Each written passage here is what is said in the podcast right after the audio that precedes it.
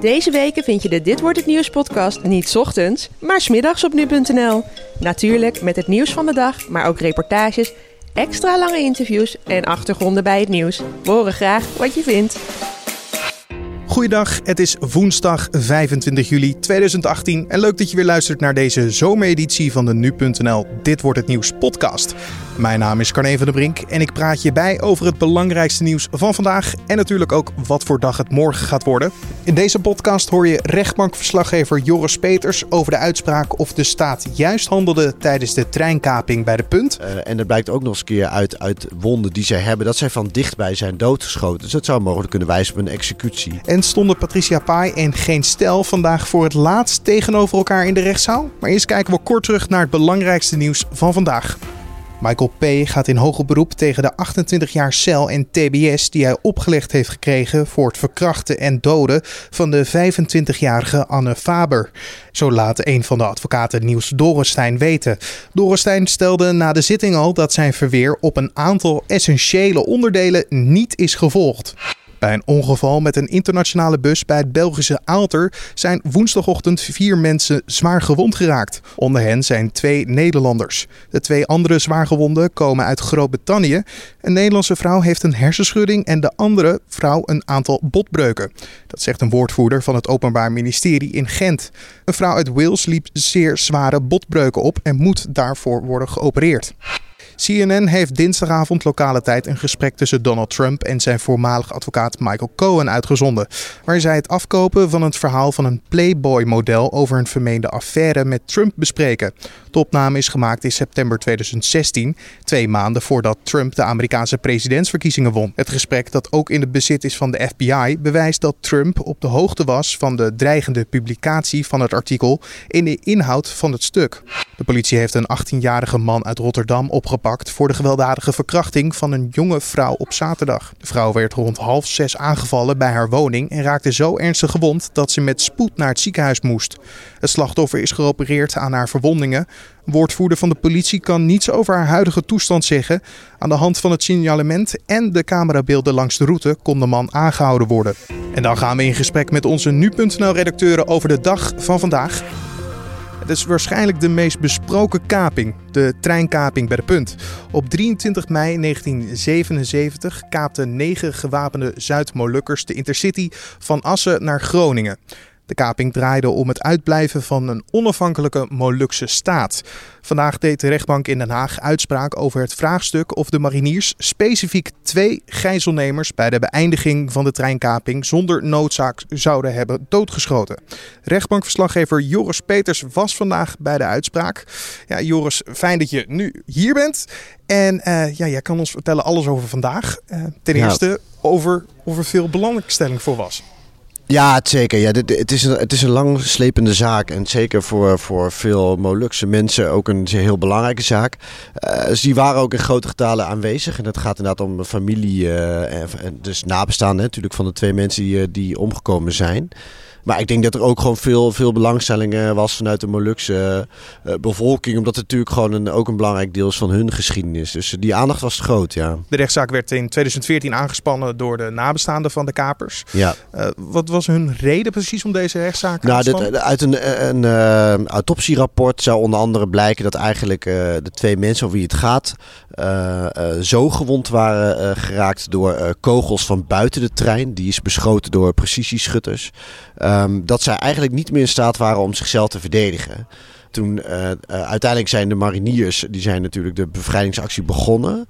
Uh, toen, die hebben allebei die twee mensen doodgeschoten. Maar uit het standpunt van de verdediging was eigenlijk van... zij hebben zich niet meer kunnen verweren. en dat blijkt ook nog eens een keer uit, uit wonden die zij hebben... dat zij van dichtbij zijn doodgeschoten. Dus dat zou mogelijk kunnen wijzen op een executie.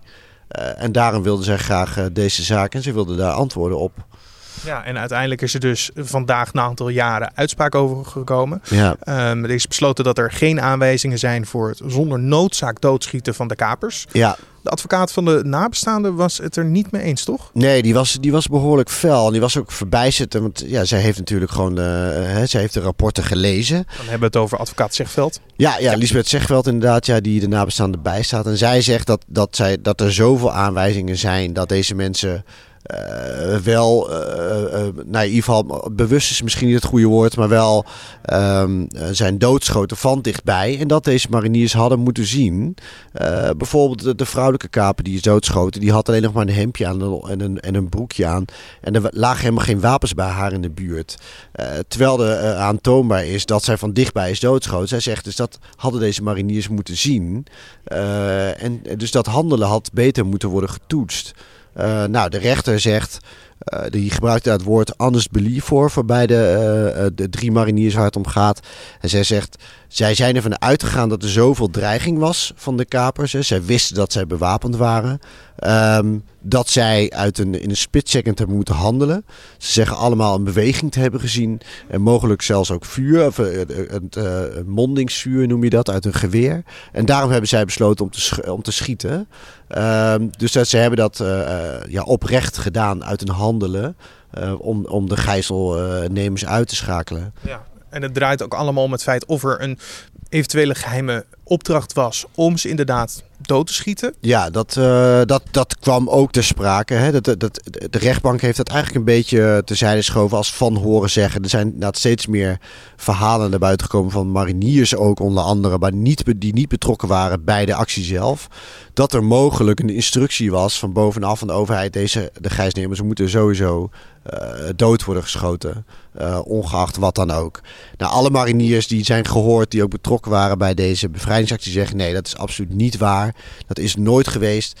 En de rechtbank ziet eigenlijk daar zo weinig aanwijzingen voor, concrete aanwijzingen voor, uh, dat ze ook besloten om niet uh, nog meer getuigen te horen om dit uh, eventueel uit te zoeken. Nee, inderdaad, wat je zegt, eerder in deze zaak, dus elf mariniers zijn hierover gehoord. Ja. waren allemaal unaniem over de, over de mogelijke geheime opdracht, of die er nou wel of niet zou zijn. Ja. Zij zeggen, die is er dus niet. Nee. Um, eerder wilde advocaat Zegveld ook nieuwe getuigen oproepen, zoals oud-premier Dries van Acht ja. en oud-commandanten. Waarom wilde zij dit precies? Nou, omdat zij dus inderdaad graag boven tafel wilde hebben of er nou inderdaad sprake was van een, van een uh, bevel dat deze mensen sowieso doodgeschoten moesten worden. Uh, nou, zij, daarom was het ook nog mogelijk sprake dat er vandaag een zogenaamd tussenvonnis zou komen en dat deze zaak verder zou gaan. Uh, maar goed, nogmaals, de rechtbank zag er zo weinig concrete aanwijzingen voor dat hij het ook niet nodig vond om deze getuigen op te roepen. Uh, dus dat is afgewezen. Ja, maar bestaat er dan ook gelijk een kans dat deze mensen in een, een nieuw hoger beroep nog worden opgeropen? Nou, dat zou kunnen. Zegveld kan daarvoor kiezen om dat te doen. Want het is haar doelstelling om een weer een nieuw hoger beroep in te, in te lassen. Nou ja, ja, zij heeft gelijk gezegd, ik ga hoger beroep instellen. Ja. Ze moesten het alleen nog wel even overleggen met de nabestaanden. Hè. Zij is natuurlijk de advocaat van hun. Uh, dus mocht zij hiervan af willen zien, dan, zou, dan, dan kan zij uh, ook niks. Um, maar zij wilde dit in de eerste instantie wel. Het kan zijn dat zij dit opnieuw gaat proberen, maar dat is niet helemaal zeker. wat zij ook direct zei, is dat het gaat hier niet om een, aan een gebrek van aan informatie in deze zaak. We hebben genoeg concrete aanwijzingen. Zij vindt alleen dat de rechtbank daar uh, nou ja, een andere uitleg aan geeft dan, dan zij ziet. En daarom uh, moet hier in hoger beroep worden gegaan. Ja. ja. hoe zal dat hoger beroep en het verdere proces er nog uit gaan zien, denk je? Ja, dat is een beetje lastig te zeggen. Maar nu, weet je, het komt opnieuw voor de rechter, nu voor het gerechtshof. die gaat opnieuw weer alle dossiers bekijken. Uh, ja, dus voorlopig uh, is er nog geen definitief antwoord op, uh, op, op deze vraag, op deze kwestie. Joris Peters, rechtbankverslaggever van nu.nl. Bedankt. Graag gedaan. Patricia Pai. We kennen haar natuurlijk allemaal als zangeres en tv-persoonlijkheid. Maar een jaar geleden werd haar leven omgegooid door een gelekte seksvideo.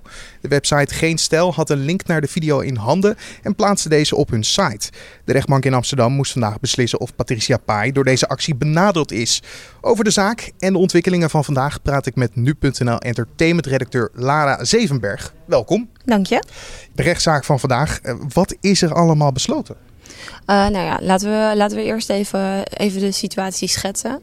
In februari 2017 zijn er verschillende beelden online en via WhatsApp verspreid van Patricia Pai die verschillende seksuele handelingen deed. Uh, daarvan is een link geplaatst uh, op Geen Stijl, maar niet door Geen Stijl zelf. Zij hebben een tweet geëmbed van iemand die die link deelde. En Patricia Pai heeft daarvan gezegd van ja, maar jullie zijn onderdeel van het circus, van het delen van die video. En mede dankzij jullie hebben mensen beelden van mij gezien waarvan ik helemaal niet wilde dat ze gedeeld zouden worden. Ja, daarvoor werd ze naar blijken gechanteerd met de video's. Ja, inderdaad. Ja. En zij, nou ja, op een gegeven moment zijn die beelden dus toch in de media terechtgekomen. En ook via deze weg dus bij mensen terechtgekomen. En zij zei van, nou ja, dat heeft mij zo geschaad um, dat ik 450.000 euro uh, van geen stel en van de twitteraar in kwestie wil gaan hebben. Ja, want je zei het al, het is inderdaad goed om te zeggen dat geen stel niet zelf de video in handen had, mm -hmm. maar een link naar een twitteraar um, in deze zaak. Hoe, hoe staat de, de, twitteraar in dit alles? Nou, zij zijn, um, samen zijn zij berecht, dus geen stel en die twitteraar. die, zij zijn delen ook samen de kosten die nu uiteindelijk uh, door de rechter zijn toebedeeld. Die, waarvan de rechter heeft gezegd van dit moeten jullie in elk geval betalen. Ja, ja de rechter deed dus vandaag de uitspraak over mm -hmm. hoeveel uiteindelijk die schadeclaim zou worden. Mm -hmm. En Mhm. of ze inderdaad benadeeld is. Hoeveel is het uiteindelijk geworden? Nou, uiteindelijk krijgt Patricia bij 30.000 euro. Uh, en dat heeft te maken met, uh, met vooral de immateriële schade die ze, daar, die, die ze door deze hele zaak heeft gekregen. En dat gaat dus vooral om de psychologische lasten die ze daardoor heeft ge gehad. Maar het is aanzienlijk minder. Het is aanzienlijk minder, inderdaad. Ja, de, de rechtbank die uh, achtte niet uh, geheel bewezen. Die vond, vond de bewijzen ontoereikend. Uh, dat ze ook daadwerkelijk materiële schade heeft, heeft gehad hiervan. Dat betekent dus bijvoorbeeld dat ze banen of werk is kwijtgeraakt. maar de rechtbank erkende wel dat er immateriële schade was. En dat ze dus inderdaad psychi psychische dingen heeft meegemaakt. Of dat ze daar problemen mee had. Um, en ja, dat bedrag is lager uitgevallen. Maar de rechtbank acht dit als voldoende. Ja, en daar een deel van moet ook dan betaald worden of moet de twitteraar dan iets anders betalen? Nee, zij, zeg maar, deze kosten worden gedeeld door de twee partijen. Oké, okay, okay, precies. Dat is wel inderdaad goed om te zeggen dat beide partijen hier dan echt bij betrokken zijn. Mm -hmm. In het geld, maar ook in de hele zaak. Ja, want de rechtbank heeft dus wel gezegd van uh, kijk, die tweet is geëmbed. Mm -hmm. uh, maar eigenlijk maakt dat voor deze zaak niet uit. Want ongeacht of jullie het zelf hebben geplaatst of dat jullie alleen die tweet hebben geplaatst. Jullie hebben het geplaatst. Het heeft bij jullie op de website gestaan. En dat is voldoende om dergelijke schade aan, uh, aan Patricia Pai toe te, toe te brengen. Hebben eigenlijk eh, beide partijen, en dat bedoel ik geen stel en Patricia Pai haar kant, hebben die beiden al gereageerd? Uh, ja, geen stel uh, heeft gezegd dat ze, dat ze nou ja, zij zijn het niet helemaal eens met de uitspraak van de rechtbank. Uh, zij vinden dat, dat hun aandeel hier aanzienlijk kleiner in is. en zij, nou, zij zijn, ze zijn het niet helemaal eens. de partij, de advocaat van Patricia Pai heeft gezegd van ja, we hadden toch graag gezien dat die vergoeding wat hoger was uitgevallen. maar ze zijn niet geheel ontevreden hoor. Nee, want de kant van geen stel die is dus juist ook weer blij dat het veel minder is geworden. Ja. uiteindelijk, Ja. omdat ze ook zeggen inderdaad het is al via WhatsApp Ja, verspreid. precies. Maar Patricia Pai, of tenminste haar, haar advocaat, heeft ook meteen gezegd van nou ja, we moeten er wel over nadenken of we nog in hoger beroep willen gaan. Ja, daar wil ik het straks ook met jou over hebben, wat zij dan willen inderdaad. Uh, maar Patricia Pai heeft al in meerdere interviews gezegd dat dit als een enorme klap kwam. Mm -hmm. Het hele lekken van deze video's. Uh, zal dit als een keerpunt voor haar voelen? Na de uitspraak? Ik vind dat moeilijk om te zeggen. Ik heb haar, ik denk een half jaar geleden heb ik haar geïnterviewd uh, toen ze BN'ers in therapie ging doen. En toen vertelde ze dus dat ze ook al meerdere therapiesessies had gehad. En dat ze gewoon merkte dat ze heel erg kwaad was op de wereld, dat iedereen dit gedeeld had.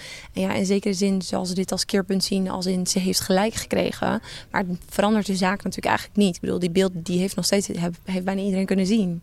Ja, uiteindelijk moeten we maar kijken hoe dit allemaal gaat ontwikkelen. Nou ja, zij zegt zelf ook van, nou ja, weet je, ik, ik probeer nu gewoon door te gaan met mijn leven. En ik, uh, woon, uh, ik woon samen met mijn man en uh, ik heb het fijn. En ja, ik kan hier verder niet zoveel meer aan doen. Ja. ja, en of dat hoge beroep nog komt, dat, dat moeten we ons afvragen. Ja, en dat zou dan gaan om eventueel meer uit de schadeclaim te ja, krijgen. daarvan zou je... Patricia Pai zou kunnen zeggen van nou, ik wil toch meer geld, want ik vind dat ik niet voldoende, voldoende heb gekregen nu. Geen stel zou ook nog kunnen zeggen van nou, we vinden dat we te veel moeten betalen. Dat weet je niet en daar zijn we gewoon nog van in afwachting. Ja, maar of dat gaat gebeuren, dat uh, moeten we ja, aanzien. Ja, dat is nog helemaal niet duidelijk. Precies. Ik denk dat we weer helemaal bijgepraat zijn over deze zaken. Dankjewel, Lara. Mooi. En dan kijken we naar de dag van morgen, oftewel dit wordt nieuws. Het Baarns Lyceum, de school waar de in Italië overleden Koen van Keulen op zat, houdt donderdagmiddag een bijeenkomst voor leerlingen en medewerkers. Zo stelde zij om met elkaar het verdriet te delen. Ook leden van het zorgteam en de GGD zijn dan aanwezig, meldt de school op de site. De school was al dicht wegens de vakantie, maar opent voor de gelegenheid de deuren. De deadline voor het samenbrengen van migrantenfamilies in de Verenigde Staten verstrijkt. De eerdere ingestelde deadline om bijna 2600 kinderen bij hun ouders terug te brengen werd in juli niet gehaald vanwege logistieke problemen. En daarom werd er een nieuwe deadline ingesteld. Het is volgens experts echter de vraag of deze donderdag wel gehaald wordt, omdat er nog veel onduidelijkheid bestaat over de dossiers van de verschillende families.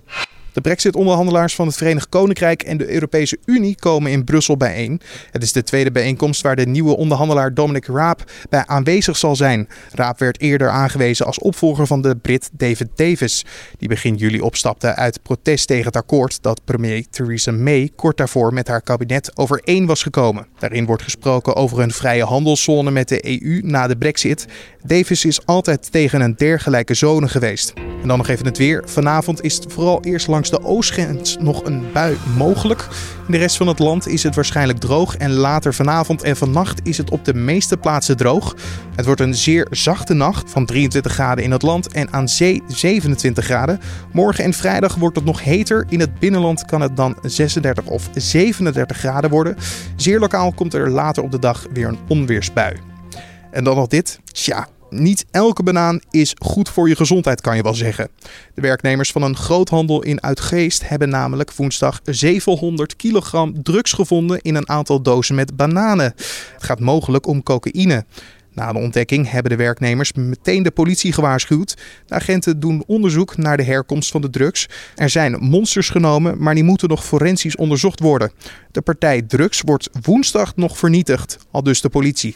Dit was dan de Dit wordt het nieuws podcast voor deze woensdag 25 juli. Laat ons weten wat je van de zomereditie van deze Dit wordt het nieuws podcast vindt. Dat kan je doen via een recensie op iTunes, via de Dit wordt het nieuws pagina of natuurlijk via een mailtje naar redactie@nu.nl. Voor nu wens ik je een fijne dag, een fijne avond en natuurlijk tot morgen.